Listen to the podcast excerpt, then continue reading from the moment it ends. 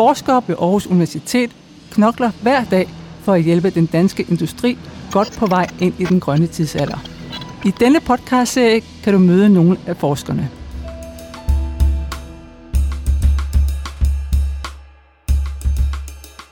Ingen er vist i tvivl om, hvad en magnet er. Men de færreste tænker over, at stort set alt moderne udstyr er baseret på magnetismen. I denne udsendelse kan du blive klogere på udfordringerne i den nuværende magnetteknologi og forskningen, der vil få stor betydning for den grønne dagsorden. Du skal møde Mogens Christensen, lektor på Kemisk Institut på Aarhus Universitet, og Peter Kjeldsten, udviklingschef på virksomheden Sentex i Hobro, der producerer magneter. Her Mogens Christensen. Dem, der får gavn af vores forskning, det er egentlig meget, meget bredt, fordi der lige præcis er magneter alle steder. Øh, der er nok ikke mange, der tænker over det, men selv en eltandbørste har en magnet, der, der, der ligesom driver motoren. Så man kan sige, at perspektivet er virkelig bredt. Øh, der er masser af magneter i biler.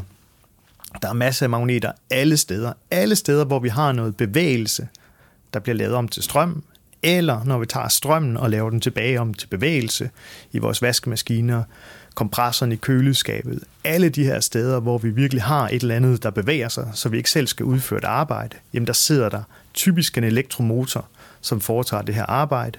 Så alle de steder har vi simpelthen mulighed for at lave nogle forbedringer. Det vi gerne med, vil med øh, den forskning, vi laver lige nu, jamen det er at forbedre de magneter, der eksisterer. Og vi vil også gerne finde nye magneter, der er bedre end de eksisterende.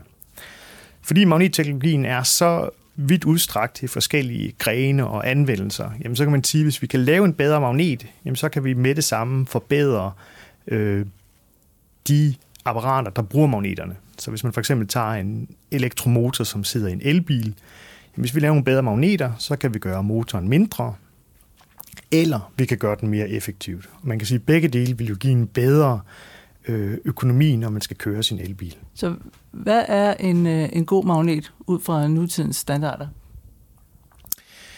Jamen en god magnet, egentlig så, hvis man tænker sådan virkelig historisk på magneter, så er de første magneter, man kender, det er egentlig nogen, der forekommer i naturen. De er ikke ret kraftige, men det var i virkeligheden nok for Columbus til at bruge det som et kompas til at lede ham øh, til Amerika. Så kan man sige, at skete der nogle udviklinger over nogle århundreder, og den magnetnål i det kompas, som Ørsted brugte, var væsentligt kraftigere. Og så inden for de sidste 50 år, kan man sige, at der har teknologien virkelig taget fart, og vi har fået nogle kraftigere magneter, det vil sige, at vi har nogle store magnetfelter, og det andet, vi har brug for, jamen, det er også, at de ikke afmagnetiserer. Så det er jo ligesom problemet, man havde med Ørsteds magnet og andre, at det var relativt nemt at få dem til at holde op med at være magnetiske. Og det er egentlig også en af de problemer, der er ved de meget, meget kraftige neodymmagneter, man bruger i dag, at de her magneter lader sig relativt nemt afmagnetisere. Så man kan ikke bruge dem ved særlig høj temperatur. Så omkring 60 grader, jamen, så begynder magneten egentlig at afmagnetisere. Og det kan man sige, det er faktisk et problem, hvis man gerne vil bruge min elbil. For hvis man bruger, hvis magneten afmagnetiserer, jamen, så virker motoren ikke længere. Og det er selvfølgelig meget uheldigt. Men hvordan kan vi bedre udnytte mængden af grøn strøm i energinettet? Ved at lave nogle forbedrede magneter, der har en bedre energieffektivitet, jamen så kan vi reducere CO2-udledningen, når vi skal bruge de her motorer. Men vi kan også se på andre anvendelser. Så for eksempel har vi også mulighed for at lagre energien ved hjælp af magneter. Den er ikke helt direkte, Forstået på den måde, at det vi har brug for er egentlig et svinghjul. Nu tænker du måske, hvad er et svinghjul, og hvordan kan det lagre energi? Jamen det svarer lidt til den drejebænk, som en pottemager har, så han sparker til drejebænken for ligesom at skabe en rotation, så han kan forme sit ler. Hvis vi forestiller os i stedet for, at vi har en motor, og den motor er, har en masse tilknyttet, så kan vi få den her masse til at rotere med en høj hastighed ved at sende strøm ind i motoren. Det vil man så normalt tabe på grund af friktion. Men det vi kan med magneterne, som er helt særligt, det er, at hvis vi har to modpolede magneter, så kan vi få den her masse til at svæve. Så det vil sige, at vi fjerner friktionen. Så selvom man har et rigtig godt kuglelejer, så er der et tab i den her friktion. Men med vores magnetiske lejer, jamen, så kan vi undgå det her friktionstab. Og det vil sige, at vi kan tage strøm, der er produceret i vindmøller eller solceller, dem kan vi smide ind i svinghjulet, gemme dem der, indtil vi har brug for det. Så kan vi trække det ud, når solen ikke skinner, eller hvis det ikke blæser. Så man kan sige, at det er et alternativ til et batteri, at man kan lagre øh, strømmen i svinghjulet. Og på den måde, jamen, så kan vi reducere øh, den udledning, der kommer fra CO2. Så en af de store fordele, der er ved svinghjulet, det er, at det kan rigtig hurtigt aflades. Så hvis man for eksempel vil bruge et svinghjul på en tankstation, jamen så kan man have den, stå og have den ladet op, og så kommer en bil ind, og så kan den lynhurtigt aflades over i bilens batteri. Bilens batteri har lidt svært ved det lige nu, men det kan sikkert forbedres. Ifølge Mogens Christensen er det ikke alene friktion, temperaturfølsomhed og afmagnetisering, der volder problemer i nutidens magneter. Også de grundstoffer, de kraftigste af dem er baseret på, er problematiske, hvis vi vil kalde os bæredygtige. Hvis vi ser på den magnetteknologi, vi har i dag, så er der faktisk nogle problemer. De her meget, meget kraftige øh, magneter, vi har, som består af neodym, det er et sjældent jordartsmetal. Det er ikke fordi metallet som sådan er virkelig sjældent, men det forekommer kun i relativt få områder. Øh, derudover så er det meget, meget dyrt at udvinde det, og det sviner relativt meget. Så der er en masse omkostninger ved at grave det frem. Og det har sådan set betydet, at Kina sidder på den aller, aller største del af markedet i øjeblikket. Så man kan stort set kun få de her neodym fra Kina. Og det kan man sige, det er selvfølgelig, hvis man ser på en handelspolitisk situation, et problem, at der er nogen, der har stort set et monopol. For det betyder jo, at man ikke ligesom kan skrue på alle de knapper, man godt kunne tænke sig at skrue på, hvis de kan sige, jamen så kan I ikke få noget neodym, så har man ligesom øh, låst situationen. Så man kan sige, at de magneter, vi arbejder med, jamen de indeholder ikke de her sjældne jordartsmetaller. Det gør så, at de er en lille smule svagere. De kan ikke øh, have så høj en styrke. Hvis man tænker på det i termer af svinghjulet, så betyder det, at vi kan ikke løfte så stor en masse, som vi kan med neodymmagneterne. Men til gengæld så er vores magneter meget grønnere, så vi har ikke det her uheldige svineri i forbindelse med at fremstille magneterne.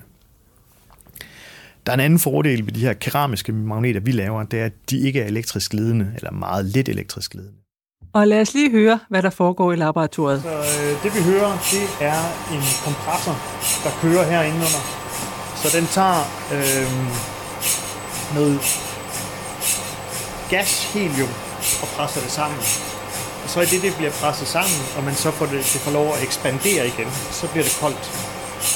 Så herinde, der er vi 4 grader over det absolutte nulpunkt. Det vi står og ruder med nede i vores laboratorie, det er, at vi har en lidt anden tilgang til, end man har haft klassisk til at lave magneterne. Så man kan sige, at den tilgang, man tidligere havde, det var, at man lavede et eller andet, og så prøvede man at knuse det ned, så man fik de størrelser, man gerne vil have. Vores tilgang er sådan lidt den modsatte. Vi arbejder nedefra, så vi arbejder ty- typisk først med væsker, så vi har vores grundstoffer opløst i de her væsker, og så får vi dem til at reagere. Og ved at hele tiden at styre de her reaktioner, jamen så kan vi få atomerne til at sidde, som vi gerne vil have i forhold til hinanden, og vi kan få dem til at danne de her krystaller med de størrelser og former, som vi ønsker os. Og så kommer det så ind, at vi skal undersøge dem. Og det er så her, at neutronerne bliver vigtige. Så her kan vi gå ind og undersøge, hvordan er de magnetiske egenskaber på det atomare niveau. Og grunden til, at jeg gerne vil nævne neutronerne, det er, at Danmark er lige i øjeblikket medvært for opbygningen af en af de største forskningsfaciliteter i Skandinavien nogensinde. Det hedder den europæiske spallationskilde og ligger i Lund i Sverige, lige på den anden side af Øresundsbroen. Og der bygger man altså et kraftcenter inden for materialeforskning. Og det er klart, at den viden, vi vil få, øh, vi vil kunne opnå, når vi får det center op at køre, jamen det vil gøre vores materialeudvikling væsentligt hurtigere, og vi formentlig kunne reducere tiden fra, at vi har en opdagelse, til at den kan komme til anvendelse. Virksomheden Syntex er erhvervspartner i Mogens Christensens forskningsprojekt. Her fortæller udviklingschefen om det potentiale, han ser i den nye teknologi. Jeg hedder Peter Kjeldsten. Jeg er udviklingschef på Syntex. Syntex er et datterselskab i Grundfoskoncernen, der arbejder med magnet- og materialteknologi. Der er i dag magnetteknologier enten i det, vi kalder low-end, eller det, der hedder high-end. Der er ikke noget i, i mellemområdet, og der er ret stort spring.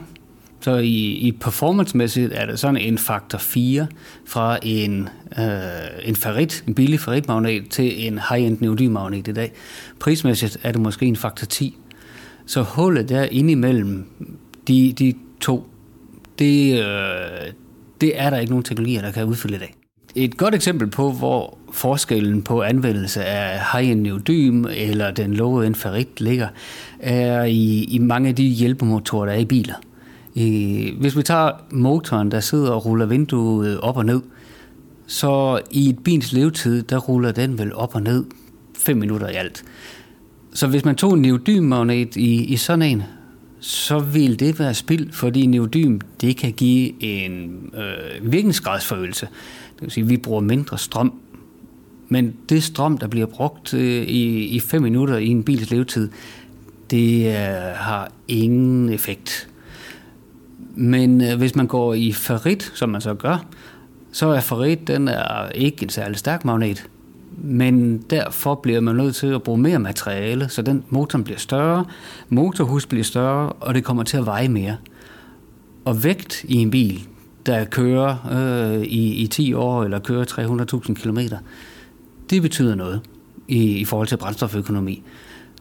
Og, og der kunne sådan en type magnet, som vi udvikler, den vil kunne komme ind og booste ferritmagneten med 30-40 procent og kan vi så reducere motoren tilsvarende, så vil det være betydeligt mindre vægt, der skal køres rundt med. Når vi har lavet det her pulver, hvordan kommer I så til at få det presset? Altså, hvad er udfordringerne ved at tage vores materiale, og så komme det ind i jeres endelige produkt? Den, jeg, jeg tror, at den første udfordring, det er jo rent processerbarhed. Øh, fordi, fordi det er jo, det er jo nanopulver, og nano har været rigtig moderne, men der er også et eller andet øh, risikovurdering. Fordi det er også på Syntex, at forskningen møder industriens virkelighed. Rent praktisk, så, så foregår projektet på den måde, at Aarhus Universitet de står for at udvikle processen og selve konceptet til, hvordan man fremstiller øh, pulver, der er magnetisk med, med, med den her nanostruktur. Og, øh, og vores rolle på Syntex er at tage det pulver, og bygge en magnet af det. Og øh, det, det, der så kan være udfordring i det, det er, at når, øh, når de på universitetet kører en produktion, så øh, er et gram eller to, så er det jo meget. Men når vi skal køre produktion i, i en industriel virksomhed, så er et kilo eller to ganske lidt. Så vi er nogle gange en faktor 1000 fra hinanden, og, og det kan godt give lidt udfordringer i at, at få det her til at spille ordentligt. Hvad gør man så? Jamen, øh, vi prøver at øh, gå ned i skala for at få det her til at hænge sammen, og se om vi kan miniaturisere nogle af vores procestrin. Øh, fra universitetets side prøver de at se, om de kan skrue lidt op for øh, volumen, og øh, de prøver også at hjælpe med nogle af de målinger, som vi gerne vil lave på noget, noget udstyr, som de har på universitetet. På Sensus vil vi rigtig gerne positionere os som dem, der skal producere den her type magneter i fremtiden. Hvis øh, det kan lade sig gøre, så øh, vil vi kunne øh, skabe en meget stor vækst i Danmark, for vi forventer, at det her det vil være noget, der kan give en global efterspørgsel.